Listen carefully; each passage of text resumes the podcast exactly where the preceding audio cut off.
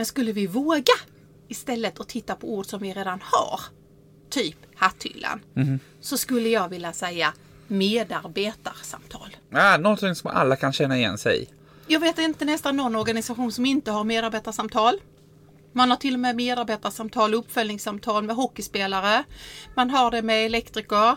Man har det med alla parter. Det är ofta inskrivet i facklig överenskommelse att eh, minst en gång om året så ska man ha ett medarbetarsamtal.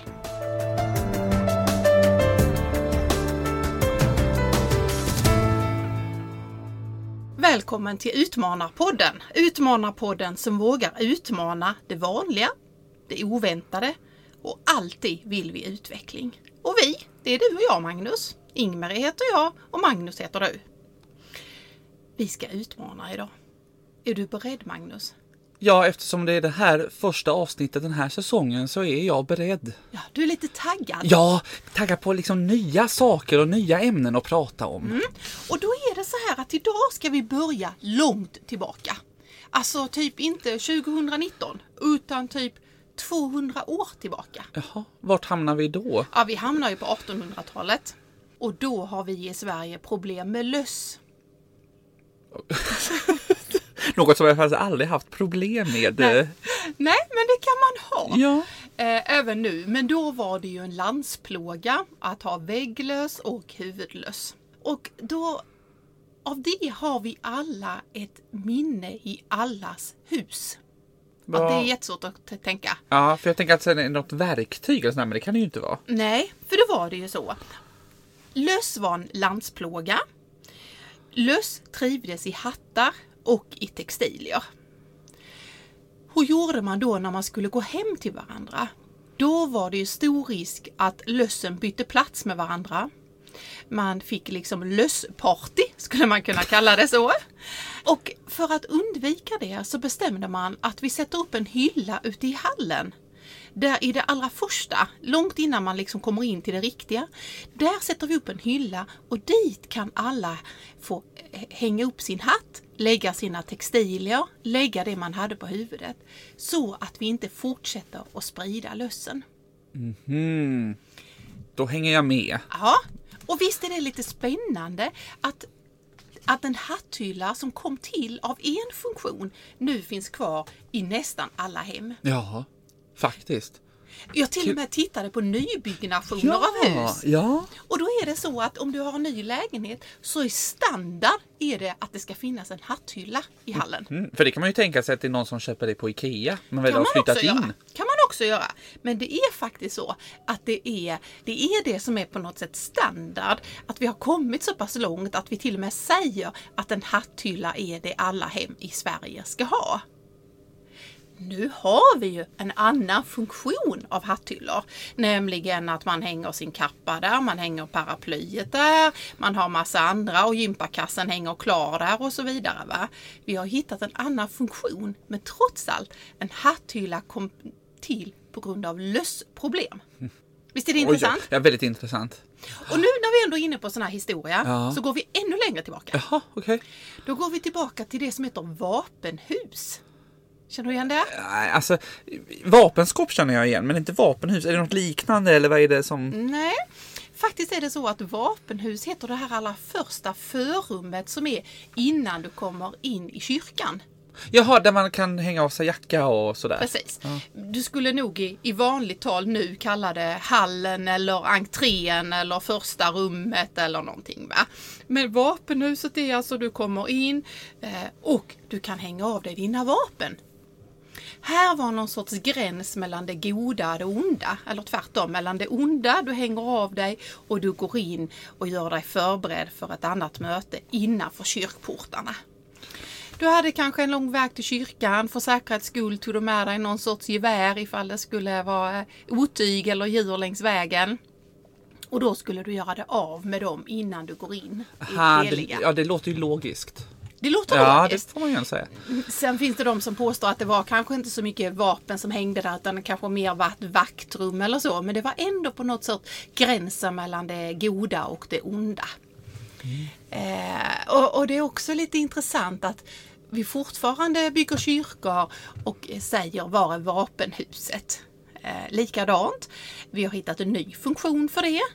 Eh, många uppskattar det här första rummet. Man kan både hänga av jackan och ska du ha ett barndop så kan du passa på att rätta till klänningen eller till och med ta på den vita klänningen där och så vidare. Så vi har hittat en annan funktion. Men trots det så kallar vi det ett vapenhus. Jag förstår lite vad du är på väg någonstans. Mm. Att vi har dem, vi, vi skapar någonting men sen så gör vi om det. Ja, Vad som passar för oss nu istället. Ja men på något sätt kan man ju säga att, att vi har ju samma tema idag som vi har haft många gånger. Nämligen att ord är viktiga. Ord är viktiga för att det påverkar oss. Vi sätter ord för någonting som är viktigt. Eh, det hjälper oss att bearbeta saker.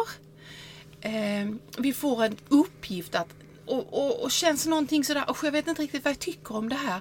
Så först när jag själv har satt ord på det så kan jag säga, ja just det, det var ju detta, så är det ju. Jag tror du kan känna igen det.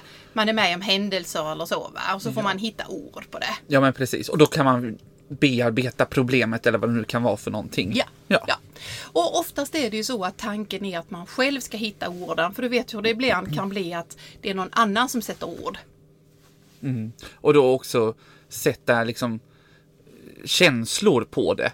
Så att man får man gör sig inte sin egen bild eller sin eget eh, tänk eller vad det nu kan vara. Jag känner igen det för att jag har haft det problemet här under hösten. Liksom. Så här, att jag har fått så här, nej men, en organisation som jag jobbar inom. Så här, de här är på det här sättet i det här teamet, i den här gruppen. Okej, det här tycker vi inte om. Lalala. Och sen så har jag insett att nej, så tycker inte jag att det är. Och då har jag fått bilda mig en egen uppfattning eh, om det istället. Mm. Och när man sedan bildar sig en egen uppfattning om det så har man ibland också behov av att sätta ord på det. Alltså så, så att man till och med själv hör när man säger det. Eh, för ibland är det så att vi liksom tror att vi pratar för att den andra ska minsann höra vad jag säger och vad jag tycker. Det här ska jag minsann berätta för den andra kan man säga emellanåt och lite så. Nu minsann liksom. Men det man då tänker, inte tänker på det är att den som hör det först och mest är ju du själv. För du har två öron som det går in genom så fort du säger det. Ja, precis. Så lite det här att, att ordets makt, ordens påverkan, framförallt på en själv, eh, tycker jag är spännande. Om man då står framför, om vi säger så här, det här är en situation, du, ska, du tänker att du ska säga någonting till den andra. Och då kanske du först säger det till dig själv för att du ska, ja, för att du ska öva dig eller vad det kan vara. Då hör du ju också, okej, behöver jag säga det på ett annat sätt eller för att det ska landa hos den andra och sådär.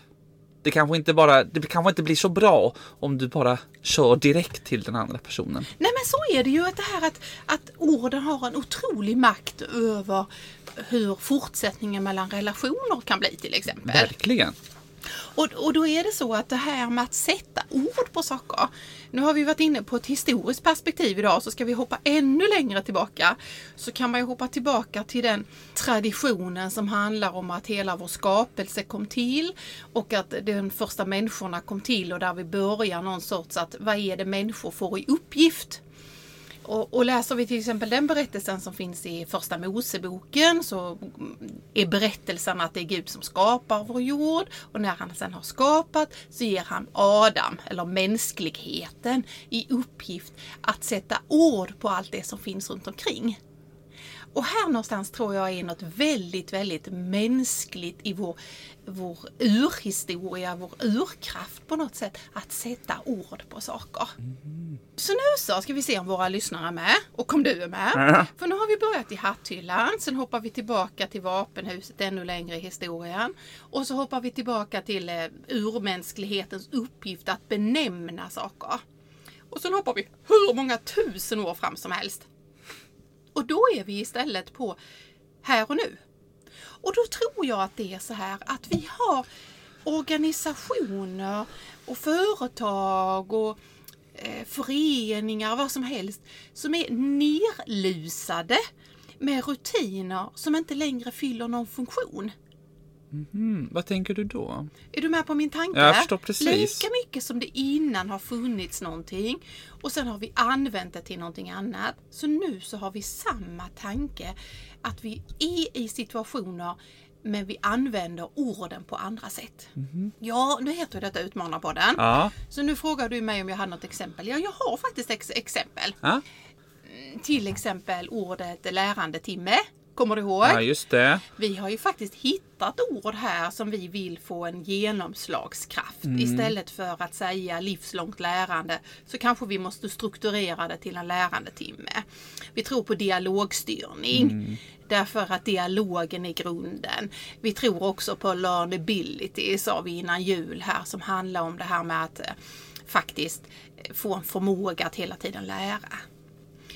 Men skulle vi våga istället att titta på ord som vi redan har, typ hatthyllan, så skulle jag vilja säga medarbetarsamtal. Ja, någonting som alla kan känna igen sig i. Jag vet inte nästan någon organisation som inte har medarbetarsamtal.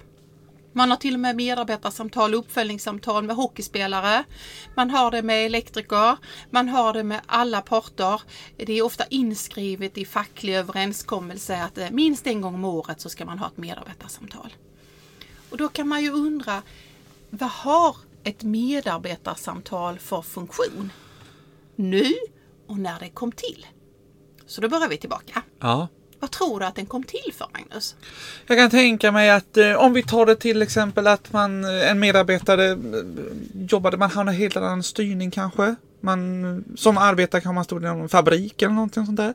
Och sen så blev man liksom, en gång per år blev man uppkallad till den högsta bossen. För att liksom stämma av så här. Och kanske, hur mår du? Åh, Och sen så, ja, sen kan du gå ner till ditt band igen. Så vi har i alla fall gjort en liten avstämning. just det. Och hur den, hur den var väl förankrad eller inte, hur den resultatet blev, det ska jag låta vara osagt. Men jag tror, också, jag tror också att medarbetarsamtal ser väldigt olika ut, vad man får ut av det. Absolut. Så var det nog helt rätt tänkt tillbaka. Hur ser det ut idag?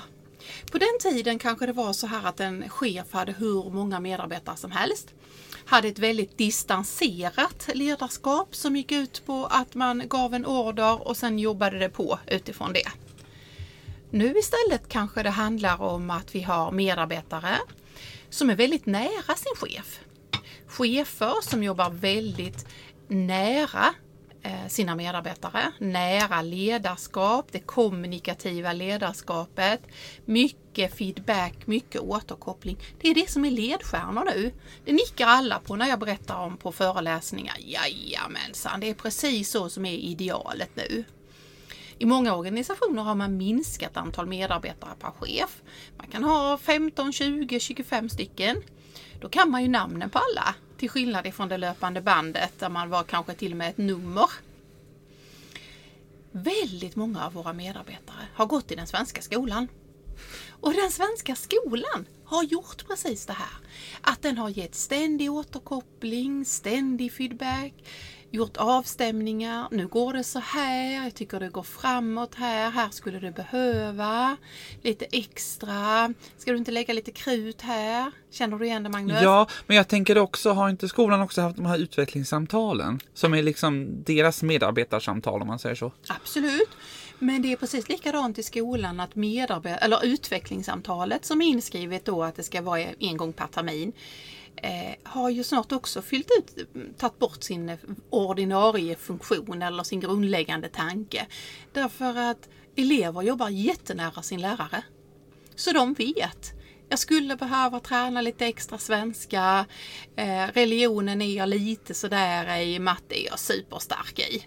Det vet man. Därför att man har fått den återkopplingen hela tiden. Och visst känner du igen det i ditt eh, arbete? Ja, absolut. Ofta har du någon sorts eh, avstämning med din chef? Jag kanske en gång i veckan. Eh, och så här, det kanske också är om man jobbar till exempel i projekt. Att man har, då har man ju flera gånger om. Att man har liksom en avstämning. Och man, jobb, jobbar man också liksom nära varandra. Då får man ju det hela tiden. Vart är vi på väg? Hur ser det ut för dig? Ska vi göra någonting åt saken? Bla bla bla bla bla. Eh, det- finns ett helt annat sätt. Man vill ju mer ha det här det här nära samarbetet. Inte att man står vid liksom, sitt band, utan man vill hela tiden ha någon, någon form av coach som, som liksom, man kan samarbeta med. Och för många medarbetare blir det då så här att man önskar ett nära samarbete med chefer, man önskar återkoppling.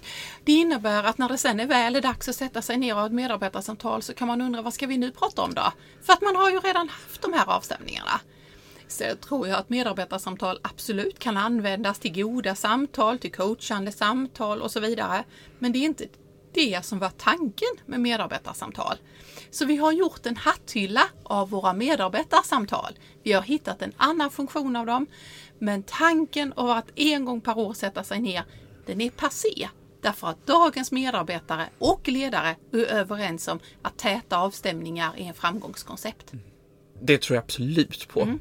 Men, men ser du någon slags förändring i det? Finns det något förändring i tankesättet, du som är ute? Nej, jag, jag tycker man är väldigt... Så jag känner lite klump i magen nu att nu utmanar vi. För det är lite som att oh, svära i kyrkan eller vad man brukar säga. Va? Alltså medarbetarsamtal har man. Och nej, det undrar jag. Ja. Ja? Jag har ingen hatthylla hemma och jag funderar på medarbetarsamtal. Nej. Ja, det är spännande. Ja, och det finns, det här pratade vi ju faktiskt om redan i ett avsnitt förra säsongen när vi hade Gustav Lundborg Mm. som gäst. Då kom vi in lite på det här och där var det också lite så här, behövs det eller inte? Mm. Så det, det verkar som att det kanske puttrar på lite olika håll. Mm, vi hoppas på det. Men du, vi måste hitta ett ord till. Eh, och då tänker jag affärsplan. Ja. Ja, du, du såg, nu, det är synd att du inte kunde filma det här nu när jag himlade med ögonen. Mhm. Men det, jag tycker att affärsplaner, det är så, det är så himla intressant. Jag, jag måste bara få eh, berätta, nu har jag suttit i min roll då som kommunikatör så får man alla verksamhetsplaner till sig och man ska förpacka dem snyggt och sådär. Och det är ganska många verksamhetsplaner för man har en för varje kontor. Och då sitter man där, man läser igenom dem och det är liksom mycket saker som man redan har sedan den förra verksamhetsplanen. Ja, jag känner igen detta.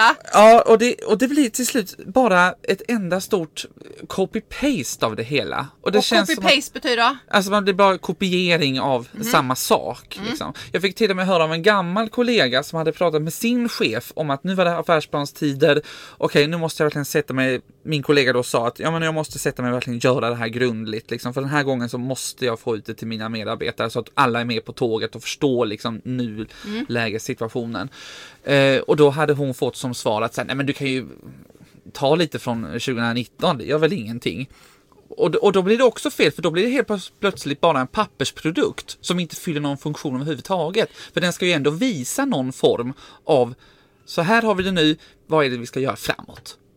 Och då är det likadant, nu sa du ordet funktion. För det är kanske så att affärsplaner så som de var tänkta, fyrkantiga dokument som skulle styra upp alla en affärsplan steg 1, 28 och 32 har gått förbi sin tid i den flytande verksamhet som vi har just nu. I väldigt många organisationer där det flyter, eh, det kommer tillfällen, man måste ta tillfället när det kommer oavsett vad det står i affärsplanen eller verksamhetsplanen. Men det du sa var att man har kanske gjort en annan funktion av affärsplanen. Det är kanske det dokumentet som gör att man blir ihopsvetsat som ett gäng. Man får en gemensam målbild. Man får en bild av hur är vi, vad är det vi ska åstadkomma. Man får alla med på tåget. Det är kanske till och med så att skriva ihop det blir en teambildningsövning. Allting det här kan det vara. Men det har inte kvar sin gamla funktion över att vara affärsplan där man skulle sätta exakt i vilken ordning man gör de olika sakerna. Och sen är det ju viktigt att de här affärsplanerna i så fall, om man behåller det, att de blir interagerade i verksamheten så att de som arbetar med det, så att det inte bara blir ett styrmedel för ledning eller styrelse. Nej. Det som skrivs i affärsplanen ska ju vara förankrat i verksamhet. Exakt. Och, och där är det tillbaka igen. För att inte fastna i affärsplan utan fastna i vad är det för ord vi har, vad är det för benämningar vi har. Så kan det hänga ihop med hatthylla, vapenhus, medarbetarsamtal och affärsplaner. Vilken funktion kom de till i? Och är det så att vi har nerlusning av någonting som vi måste ha mod att börja använda eller till och med plocka bort. Jag vet, jag sa det lite tyst Nu, är, nu gör, var det nästan som att du svor i kyrkan här Ja. nu du. Ja, jag vet. Så där någonstans skulle jag vilja sluta dagens utmanarpodd. Eh, podden som man kan lyssna på överallt. Man kan följa oss på våra sociala medier därför att det är där du liksom kan få ännu mer modiga inspel i att det faktiskt är så att vi måste kanske våga använda det vi har för att det ska bli till bättre nytta. Ibland när jag jobbar med ledningsgrupper så säger jag det. Hur ökar detta värdet för det som ni ska åstadkomma? Klokt. Ja. Nu summerar vi va? Ja. Ja. Och då skulle jag vilja att vi gör likadant som vi gjorde när vi började. Vi börjar långt tillbaka i tiden. En klassiker från Vilhelm Moberg skulle kunna summera det här utmanande Utmanarpodden avsnittet med att Ta vara på ditt liv, för nu är det din stund på jorden.